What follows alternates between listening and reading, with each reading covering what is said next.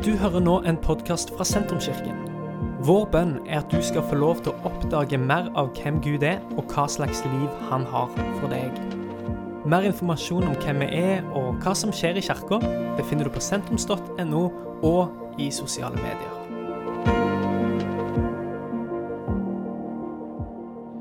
Hvis du, har, eh, hvis du har Bibelen med, så kan du slå den opp i Romerbrevet kapittel 12. Hvis du ikke har Bibelen med, så har du kanskje eh, mobiltelefonen din med. Da kan du eh, slå opp på U-version og finne Romerne kapittel 12.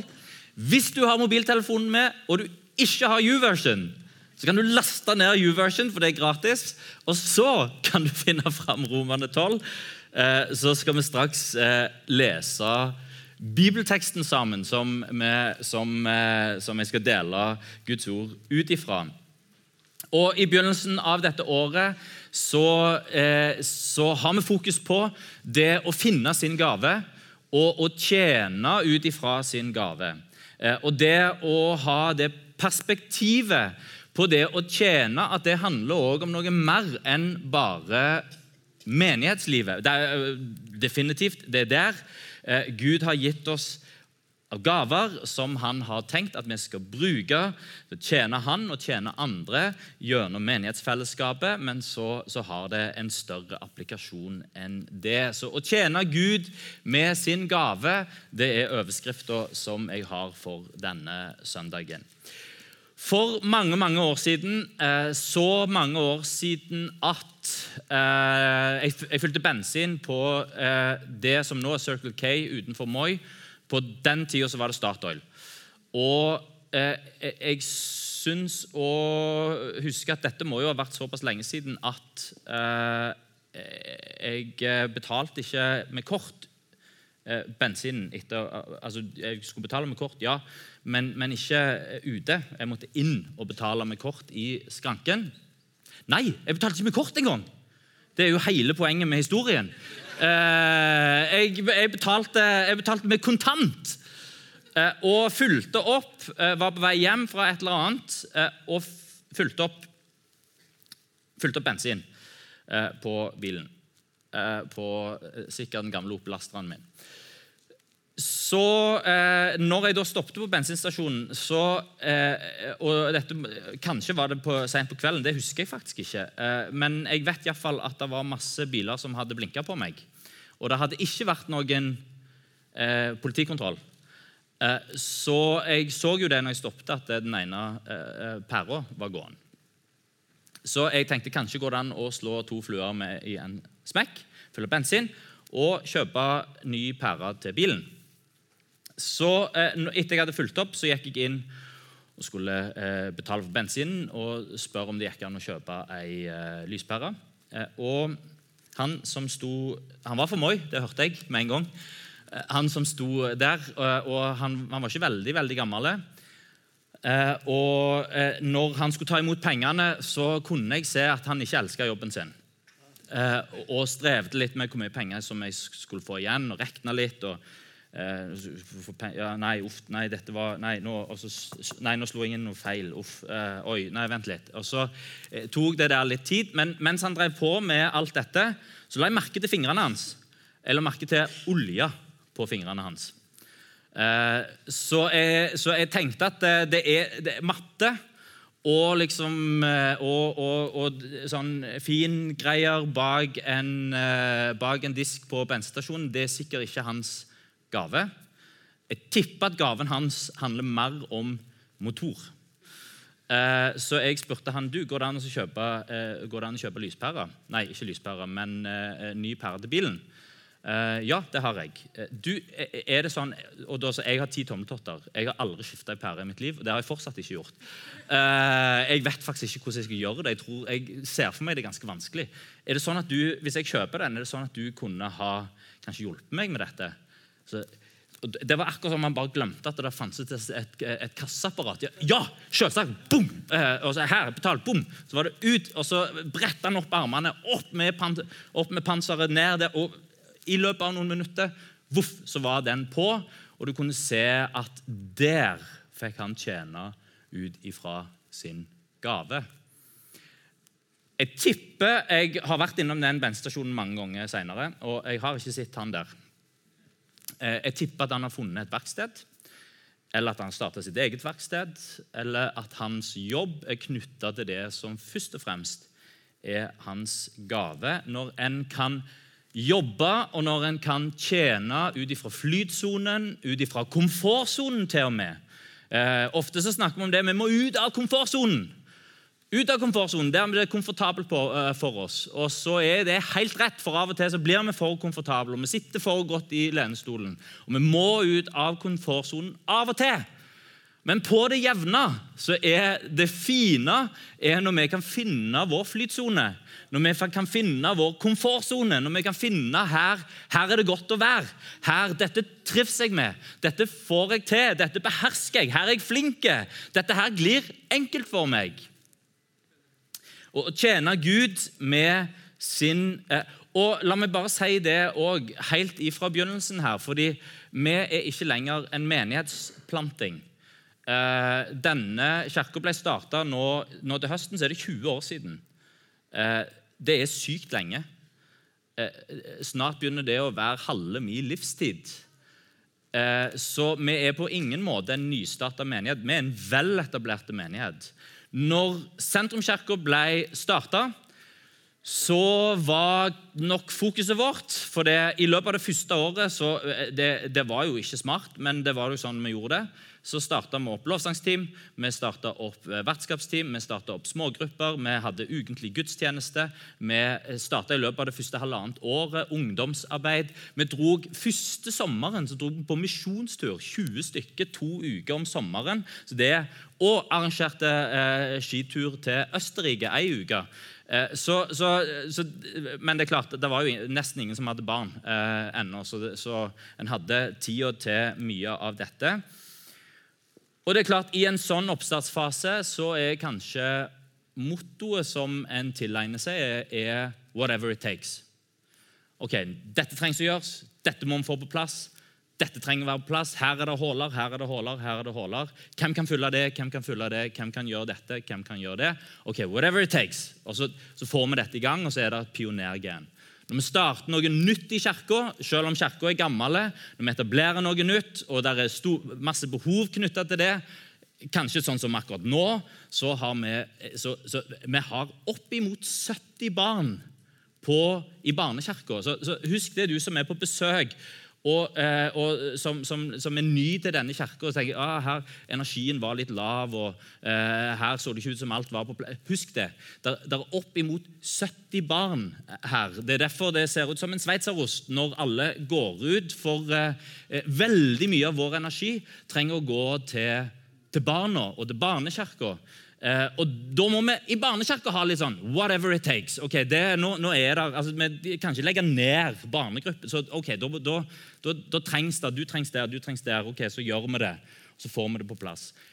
Men for at noe skal være bærekraftig, så kan vi ikke tjene år etter år etter år etter år med 'whatever it takes'.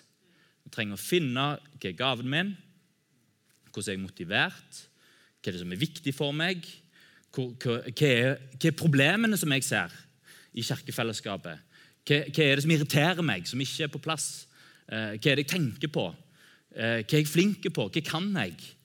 Eh, og noen ganger så, så Jeg snakket med, med en person i fra kirka og sa ja, har du lyst til å som, som, som, hadde lyst til å være med og tjene, har lyst til å være med på dette, være med på det. Være med på det. Og så ja, jeg kan være med der, jeg kan være med der. Eh, men hvis du spør meg heller hva brenner du for, så ja, hva brenner du for? Jeg brenner for dette. Og så og kunne tenkt meg å dreve med dette. Og så, å, Perfekt! Jo, men det trenger vi jo. Eh, hvis at vi kan finne det vi brenner for, det som motiverer oss, det som Altså, når han, eh, gutten fra Moi, mannen, unge mannen fra Moi Når han kan finne jobb da i verkstedet heller enn å stå i disken og ta imot penger. Da kommer en i flytsonen.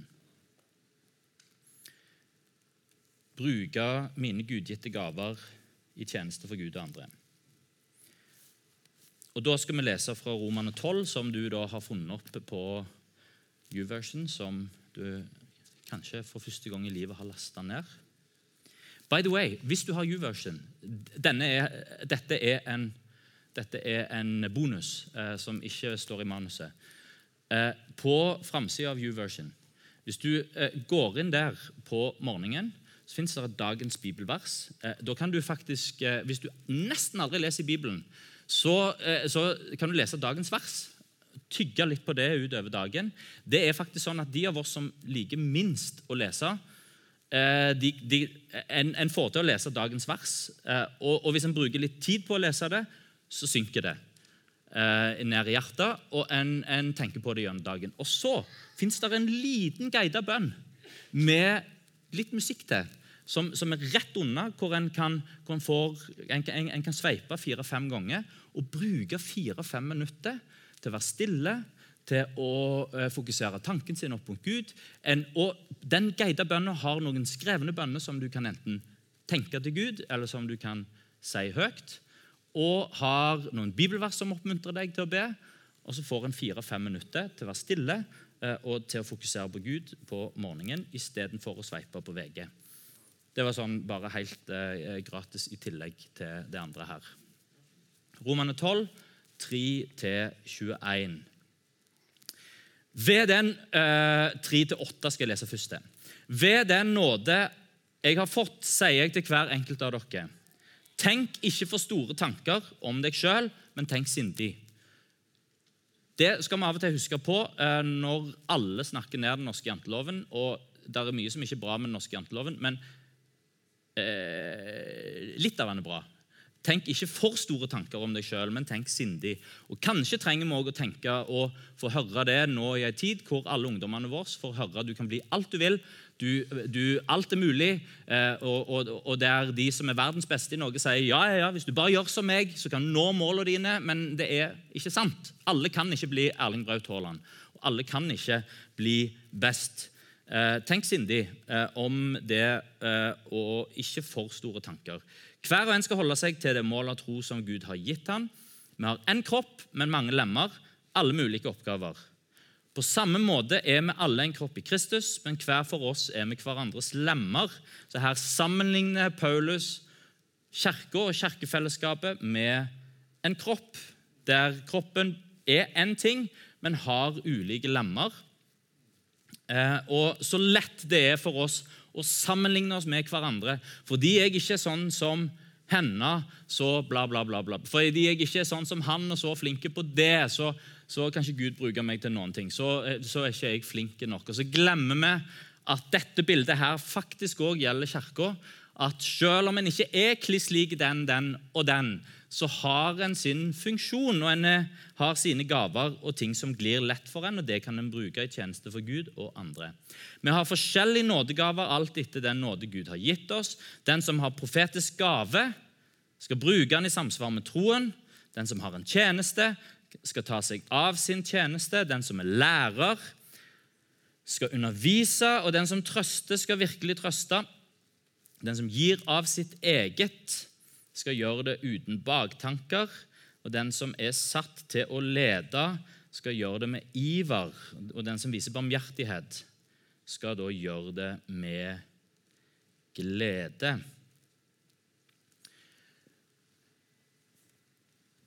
Jeg har lyst til i dag å snakke om disse ulike gavene som Paulus remser opp her. Men først, så, før, før, vi gjør det, så, eh, så skal vi se på første hva det faktisk betyr å tjene.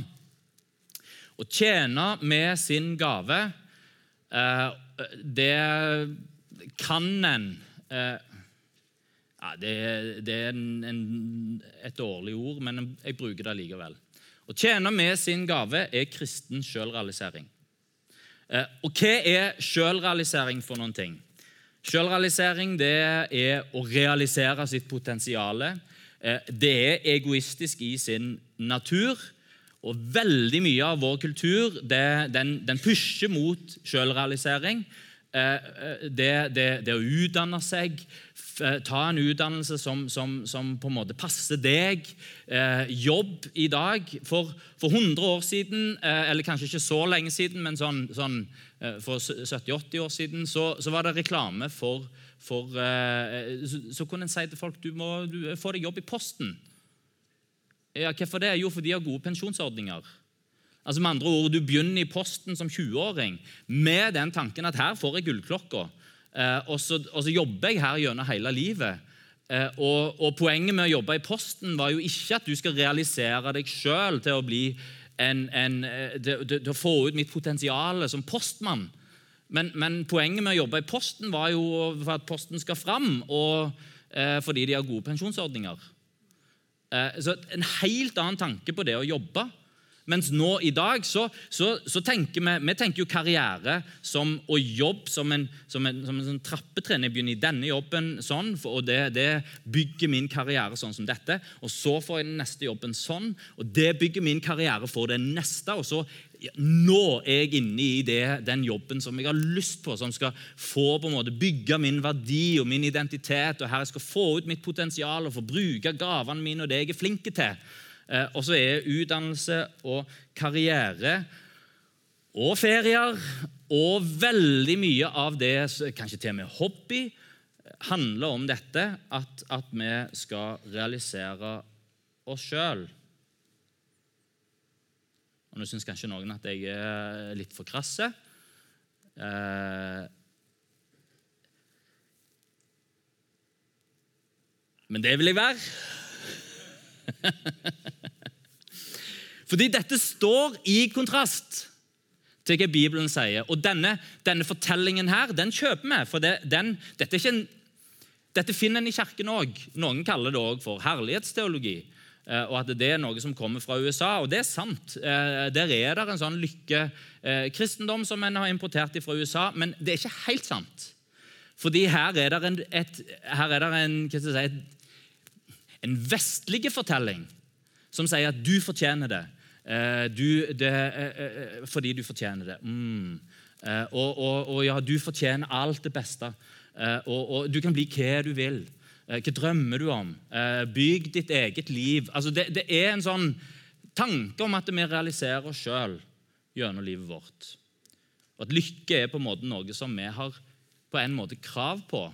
Så blir Den kristne versjonen av dette blir jo da at Gud skal sørge for at jeg realiserer mitt potensial. Gud skal passe på at livet mitt blir, sånn, blir det gode livet som jeg drømmer om, og som jeg har lyst på.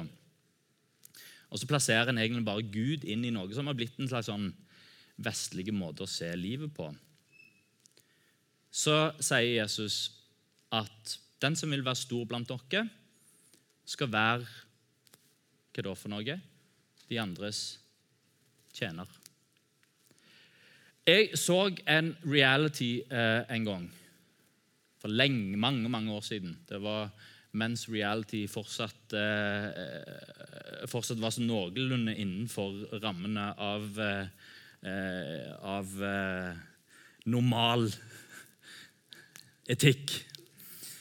da, da var Dette var da en fulgte en, en, gjeng med, med Amish. Som da, eh, som da, kom fra sin kultur, som fortsatt er 1800-tallet, og der det er ikke biler og telefoner, eller noen ting, inn i, eh, inn i eh, eh moderne verden. Og så, er det masse morsomme ting som skjer, og så intervjues de etter hvert. Så var det en av disse som da hadde sett en TV-serie som handla om noen, eh, noen overklassefamilier, britisk sånn og sånn. Og Så spurte hva hun, liksom, hva hun fikk ut av dette. Og Da kom det fram gjennom, den, det som hun sa Dette er et veldig lite poeng ut fra en lang eh, historie. Eh, at uh, hun, hun, hun, så jo ikke på disse her i familien. Det var ikke de hun identifiserte seg med. Hun identifiserte seg med tjenerne. Det lurer jeg på hvor ofte tenker vi sånn som det. Eh, at det, den store i en fortelling er tjeneren. Den som vil være stor blant dere, sier Jesus, den skal bøye seg ned og være de andres tjener. Nå tenker vi sånn. Selvrealisering er toppen av Maslows behovspyramide. Uh, helt nederst har vi det fysiske behov. Vi trenger mat, vi trenger drikke, uh, vi trenger uh, klær for å beskytte oss mot Eller egentlig selvoppholdelsesdriften, som, som fysisk er på plass. Så trenger vi beskyttelse. Trygghet må være på plass. Derfor har vi et hus, derfor har vi klær. Derfor har en de, de rammene der. Når trygghet er på plass, så er det de sosiale behovene som er viktige. At en har en type tilhørighet, en har omsorg, og at det er noen som bryr seg. Så, når disse tingene er på plass, så begynner en å snakke om mer sånn ting som sitter litt mer oppi hodet Anerkjennelse er viktig. Eh, det at Hvordan de andre ser på meg. Og, og, Her begynner vi å snakke om hvordan vi opererer i den vestlige verden. Det, det er viktig å ha Kanskje den fine bilen ikke bare fordi en er interessert i fin bil, men fordi det betyr noe for hvordan andre ser meg. Det, det huset som jeg har, hvordan jeg innreder det, hvilke klær jeg går med. Det handler kanskje ikke bare om at klær er viktig for meg, og det er viktig å finne sin stil, eller at interiør og hus er veldig viktig for meg, og det å innrede hjemmet er veldig viktig, men så handler det òg om den type anerkjennelse som en får når andre ser mm, ja, dette var, dette var et møblert hjem, og her var det alt på plass, eh, og kanskje det å kunne ha noe noe som er litt større, eh, litt mer verdifullt, noe som flasher litt, fordi det gir anerkjennelse, og du får nikk fra de andre. Og så på toppen så har vi sjølrealisering. Hvorfor er det sånn at i det, det rike nord så er det større utfordringer med psykiske problemer enn i den fattige delen av verden? Kanskje er de mer skjult der, men det kan òg hende at i mange fattige land så er folk sitt hode opptatt med mat, drikke, trygghet, klær, hus, basis. En har ikke tid til å være psykisk syk, for eh, en skal tenke på hva en skal spise neste dag. Og at her så er dette, dette viktig for oss. Det fører til besteforeldre som blir mer opptatt av å reise verden rundt enn å være med barnebarn. Unge voksne som er mer opptatt kanskje av karriere, utsette eller la være å stifte familie og få barn. Der eh, det å pusse på hjemmet sitt blir viktigere enn et frivillig engasjement i idrettsklubben eller speideren eller i kirka. Eh, og der en får fokus på luksusopplevelser og luksusartikler. Eh, og alt dette kommer fra den der iboende eh, klatringa vår mot anerkjennelse og mot realisering av oss sjøl. Se hva jeg har gjort, se hvem jeg er. Og for vår egen del òg det å få ut maks av sitt potensial. Helt kjapt Viktor Frankel, som, som, overlevde holocaust, han, og psykolog som overlevde holocaust, han fant det at den tingen som var viktigst for å overleve i en konsentrasjonsleir, det var, det var ikke å være sterk, det var ikke å være, eh, være, liksom fysisk sterke. Det var noe, sa han, som var viktigere enn selvoppholdelsesdriften, og det å være sterk fysisk. Det viktigste, det var å ha mening. Noe meningsfullt som holdt den i live. Så når selvoppholdelsesdriften var på en måte på bånn, og en var helt nedskrapte, så var det fortsatt dette her evnen og viljen til å kjempe for livet fordi det var noe meningsfullt i livet. En ektefelle på utsida av leiren som en, som en, bare drømte om å bli forent sammen med. Barn som en ikke visste hvor var hen. Som en tenkte jeg, jeg, jeg lurer på om de er, li, er, i live. Jeg vil overleve sånn at jeg får møte de igjen. Eller for hans egen del denne, denne, eh, denne svære eh, forskningen som han drev på med, som han var nesten ferdig med, og som han ville ha fullført. Eh, og, og han kunne ikke dø før han hadde fullført dette. Um, og hvor finner vi den meningen? De som får små barn, de oppdager den meningen uh, enten de vil eller ikke. Når du uh, blir far eller mor for første gang, og en skal ut av sykehuset Jeg plasserte vår førstefødte i, i bilen i et altså Bilsetet var jo så lite, eh, den, den, stolen, og plasserte inn der og lurte på kan jeg ta på disse her, eh, kan jeg ta på disse her eh, selene. Kommer jo til å gå sunt. Lagd av porselen. Eh, og, og, Jeg var så jeg har sikkert sagt dette før, jeg var så nervøs når jeg kjørte ut av parkeringsplassen der at jeg skalv på hendene. Så jeg måtte, uh, måtte liksom ta, ta, skikkelig tak i rattet. For jeg kan jo ikke gjøre noe galt nå. Jeg har jo Det mest verdifulle i verden fins jo bak i baksetet. Uh, og, og det, Jeg har aldri vært så nervøs. Jeg, når, og jeg har kjørt rundt på store folk òg, men, men, det var Det var above and beyond. Og så vet du at dette mennesket er 100% avhengig av deg. Da blekner alle andre ting. Og så er det 'jeg vil bøye meg ned, og så vil jeg tjene deg'. Der fins det dyp mening. Hvorfor er det kristen sjølrealisering å tjene med sin gave? Jo, for det er litt sånn sjølrealisering å finne ut av sin gave. Og det å finne ut hva type person er jeg hvem, hvem, er jeg egentlig? Hvordan har Gud satt sammen min personlighet? Det å forske på seg sjøl. Kjetil sier det. Vi må alltid forske på oss sjøl. Finne ut av hvem er jeg egentlig Hvordan er jeg motivert? Hva er viktig for meg? Hva er jeg flink til? Bli ekspert på ditt eget liv. Og Det er ikke feil. og Det er jo den sida av sjølrealiseringen som er kjempebra. Og så blir det en kristne sjølrealisering. Det er jo når en finner ut av hvem en sjøl er, og finner sin gave, at en kan bruke det i tjeneste for Gud, for menigheten eh, og for andre.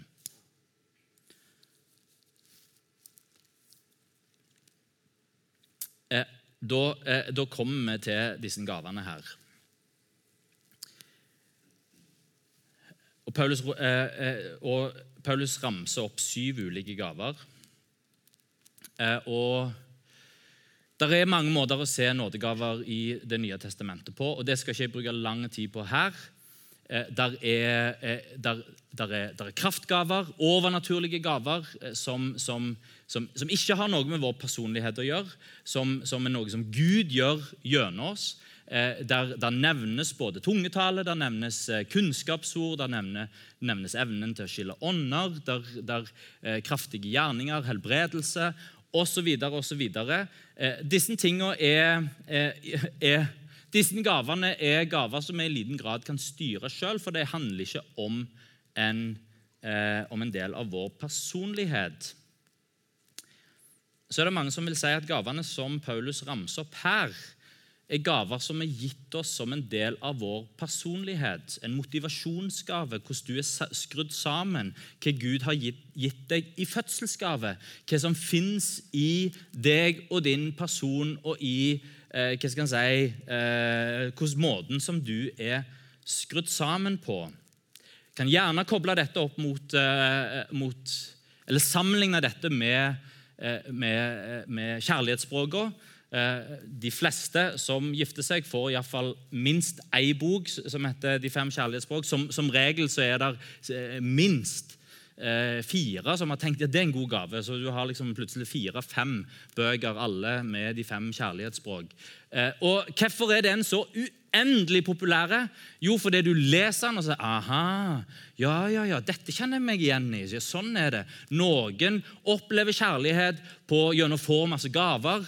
Eh, kanskje er det sånn at eh, jo yngre en er, Eh, når, når en er, når, eh, Iallfall når en er barn og, og tenåring. Det er mye kjærlighet gjennom gaver. Så, så, så, modne, så, er det ikke alle som har det gjennom hele livet. Tjeneste er en annen. Når noen gjør noe for meg, det å bruke tid med noen, eh, da merker jeg at jeg elsker når vi får være sammen og, og snakke sammen og gjøre ting sammen. Eh, for andre så er det berøring. Når, eh, når, jeg får en god massasje, eller når noen gir meg en klem eller en high five, eh, så, så kjenner jeg at jeg er elsket elska. Eh, og den siste må nok ha vært såpass, eh, såpass lite viktig for meg at den har jeg glemt av.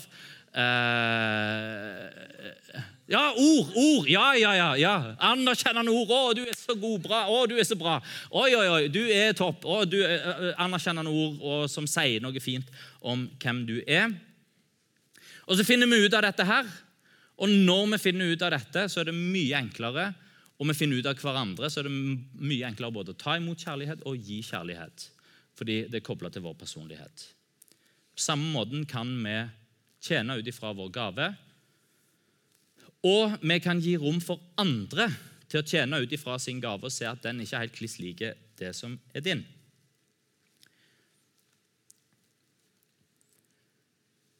Helt kort. Paulus sier profet. Profeten er kroppens øyne, som har et åndelig blikk, som sier det de tenker, som er opptatt av rett og galt, som gjerne er litt svart og hvitt, og som er en type kvalitetskontroll i kirka. Opptatt av sannhet. Sannhet er viktig. Um, og som er opptatt av å finne menneskers motivasjon. Så har en tjeneren. Tjeneren er kroppens hender. Møter fysiske behov. Er, opp, er oppgaveorientert og praktisk orientert. Må gjøre noe for å hjelpe. Eh, ser gjerne de oppgavene som trengs å bli gjort. Alltid klar til å tjene. Så har du læreren, som er kroppens eh, hjerne.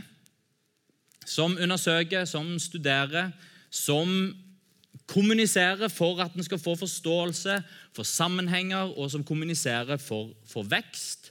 Som er motivert for rett forståelse, som, vil, som spør disse spørsmålene hvorfor, hvordan, når, hvor, og faktaorientert og spørrende.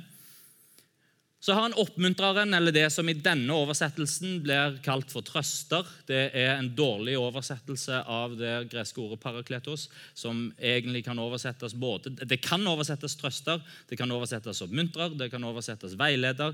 Egentlig så kan det oversettes med eh, Når Den hellige ånd blir kalt for eh, parakletos, så står det oversatt med at han er vår talsmann.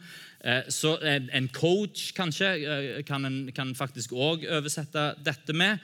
Så denne er oppmuntrende kroppens munn. Bryr seg om de åndelige behov, bygger opp, oppmuntrer, veileder, coacher mennesker framover, ser potensialet i andre og snakker til potensialet. Blir ikke motløse og holder humøret oppe. Eh, så har vi giveren som er kroppens armer. Eh, så kroppen har både hender og armer, og giveren er armene. Som er begava til å produsere og dele ressurser, gjerne penger, elsker å gi, gir sjøl når en ikke har mye. Ofte nøysomme på egne vegne, så de kan gi mer. Ofte veldig gjestfrie og åpne opp og gir andre, eh, gjør tilgjengelig for andre det som de sjøl har. Omsorgsfulle og ressursfulle. Men lederen, som er kroppens skuldre, som bærer vekt, og som ser det store bildet, som tar ansvar, som gir retning, som motiverer til å involvere seg, og som motiverer på mål, som tar ledelsen, og som er trygg, som identifiserer problemer, lager plan på løsning, og som delegerer og er visjonær. Og til slutt så er den barmhjertige som er kroppens hjerte, som er følsomme, som er omsorgsfulle, som er fulle av medfølelse og nåde og tilgivende. Eh, empatisk, lojal eh, Alle har jo lyst til å være den barmhjertige. Det høres jo ut som den barmhjertige er den kristne her. Eh, tilgivende, observant og trøstende. Masse fine, fine bibelske kristne verdier hos den barmhjertige som kanskje kommer litt naturlig.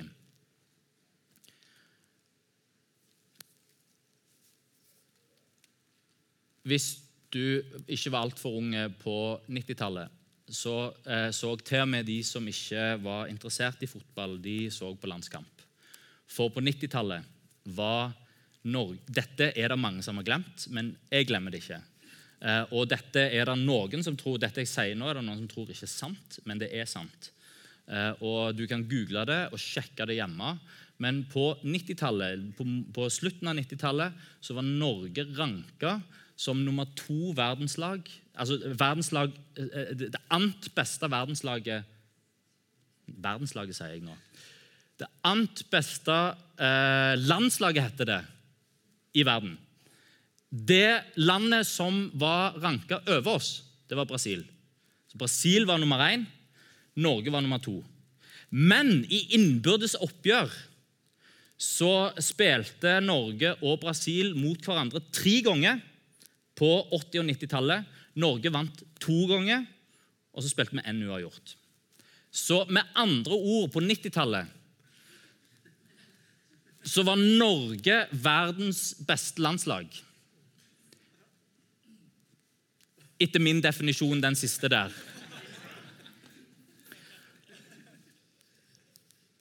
Men vi hadde ikke verdens beste spillere. Ingen av de hadde blitt tatt ut Nesten ingen av våre landslagsspillere hadde blitt tatt ut til de andre store landslagene. Unntatt kanskje Rune Bratseth. Han var med bare helt i begynnelsen. Det var ingen, det var ingen Erling Braut Haaland der. Det var ingen Martin Ødegaard der. De var mer eller mindre de var sånn midt på tre spillere i de, uh, i de uh, klubbene, som, og, klubbene, og, de ligaene som de spilte i. Men det Drillo gjorde han eh, som da var treneren, han satte sammen et landslag av ulike kvaliteter. Så, så med, Jostein Flo var på ingen måte verdens beste fotballspiller. Men han var verdens beste på hodet, og det, jeg, det er òg min definisjon. Men jeg tror ikke det er tøys. I, i, i VM i 94 så vant Jostein Flo en hovedduell mot keeperen til Mexico, som hoppet opp. Han tok fart, keeperen, og hoppet opp og strakk hånda si så langt som han klarte. Og Jostein Flo hoppet opp raket sånn som dette med hendene inntil kroppen og hedda ballen over hånda til Jorge Campos, som han heter, og ble blåst av for angrep mot keeper. Det er en av de største eh, ti, eh, ki, eh, ikke keepertabbene, men dommertabbene i VMs historie. for Han gjorde alt rett. Vant mot keeper i hovedduell. Keeperen hadde hånda oppe, han hadde hodet over hånda. Ser du hva slags type header Jostein Flo var? Så Hans oppgave på landslaget var hedda. Stig Inge Bjørneby var en eh, helt OK venstreback, men han var nok en av verdens beste på lange crossballer. eh, de, de, var både lange, og de var veldig eh, Og de var veldig presise. Og sånn kan en fortsette. Øyvind Leonardsen. Han var ikke engang god å spille fotball, men han var ekstremt god å springe. Så Han er kanskje den eneste fotballspilleren som har på en måte fått det som sin, sin greie. Han er best uten ball. Så, så, hva skal du gjøre for noe? Nei, Du skal bare springe. Uh, og han sprang og sprang. Ingen av de andre sprang så mye som Øyvind Leonardsen. Han sprang de andre uh, lagene i senk. Og, og, og, Drillo han fant også ut det at Kjetil Rekdal og de andre på, på midten de er ikke så veldig gode så, så, eh, til å spille liksom, pasninger og sånt. Eh, det, det vi er ikke gode nok med ballen i beina. Så da er det ball ut til Stig Inge Bjørneby. Eh, Jostein Flo langt der framme på den ene sida. Stig, Stig Inge Bjørnby, fyr ballen over midtbanen, sant? så de, de, de, kan heller komme, komme, opp etterpå. Og Så treffer du Jostein Flo på hodet. Ingen i verden eh, tar han. Han vinner alle ballene på hodet. Eh, og så blir det en sjanse av det. Sånn spilte vi våre landskamper på 90-tallet, og sånn ble vi best i verden. Hvorfor?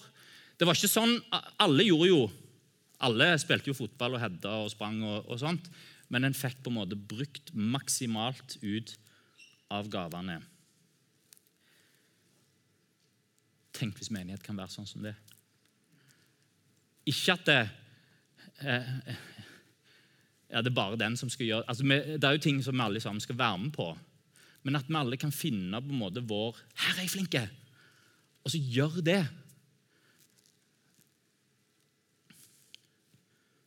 Oh, nå glemte jeg å spørre deg, Haldis, men jeg siterer deg allikevel.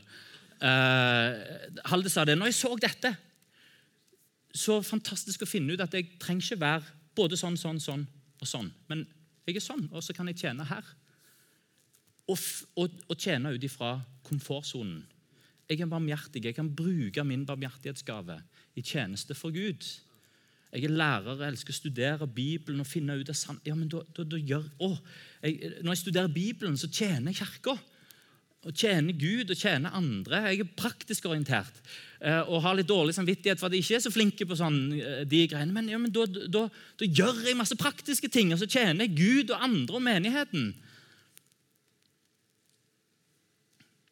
Og nå har jeg drevet på lenge, og bandet kan komme fram.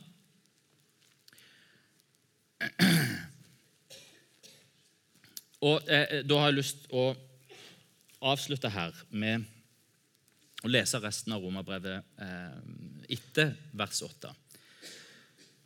Fra vers 9 til vers 21. Der står 'La kjærligheten være oppriktig'. Dette er overskriften i 2011-oversettelsen.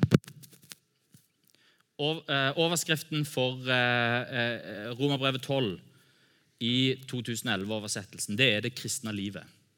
Og det kunne også vært, Overskriften kunne òg vært det kristne menighetslivet. Så, så, sånn som Her beskriver Paulus sånn som dette skal det se ut. Så første så sier han, og Det er ikke tilfeldig at disse to tingene kommer sammen.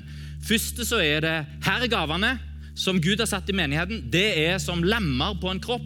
Kroppen fungerer når lemmene fungerer sammen, som Drillos gjorde på 90-tallet. Når en bruker styrkene sine og får dette til å fungere sammen. Da, og hvordan fungerer kroppen? Hva blir det til? Det kommer Paulus til her. Så sier han, La kjærligheten være oppriktige.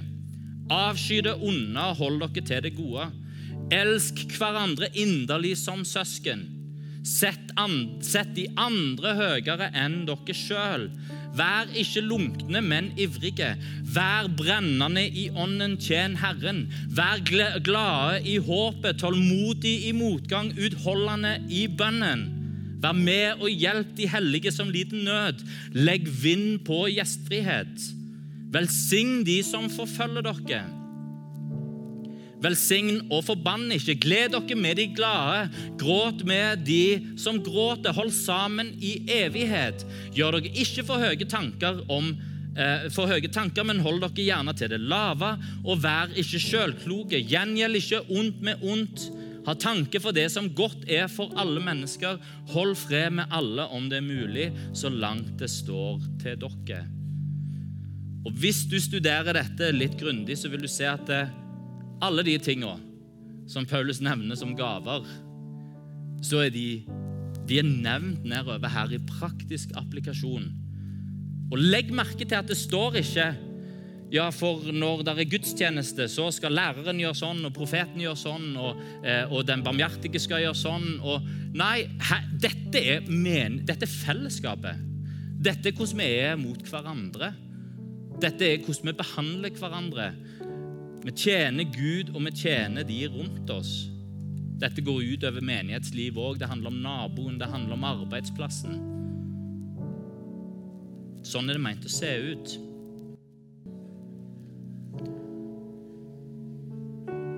Vi tjener Gud i gudstjenesten, bruker gaven vår der. Bruker gaven vår inn i barnearbeidet, barnekirka. Tenk så fint å være med i barnekirka og vite at eh, jeg har en liten lærergave. Det er kjekt å være med og gjøre andakt for ungene. Jeg, jeg, jeg har en, en jeg, jeg er mer motivert som en tjener. Være med å ordne til praktisk. Jeg er barmhjertig. Har en barmhjertighetsgave. Jeg ser den ene av ungene som, som ikke så ut til å ha det så greit i dag. Og det gjelder i barnekirka. Det gjelder i gruppene våre. Ikke bare når vi kommer sammen, men, men gjennom uka. Tjener med sin gave. Gudstjenestefellesskapet, barnekirka, ungdomsarbeidet, linkgruppene. Men utover det, overfor hverandre, gjennom uka.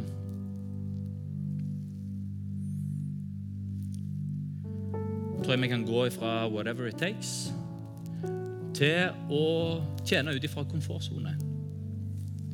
Og ut ifra sånn som, jeg er, som en er motivert. Dette er slutten på denne podkastepisoden. Har du spørsmål om Jesus, om tro, om livet, så er du hjertelig velkommen til å ta kontakt med oss via sentrums.no.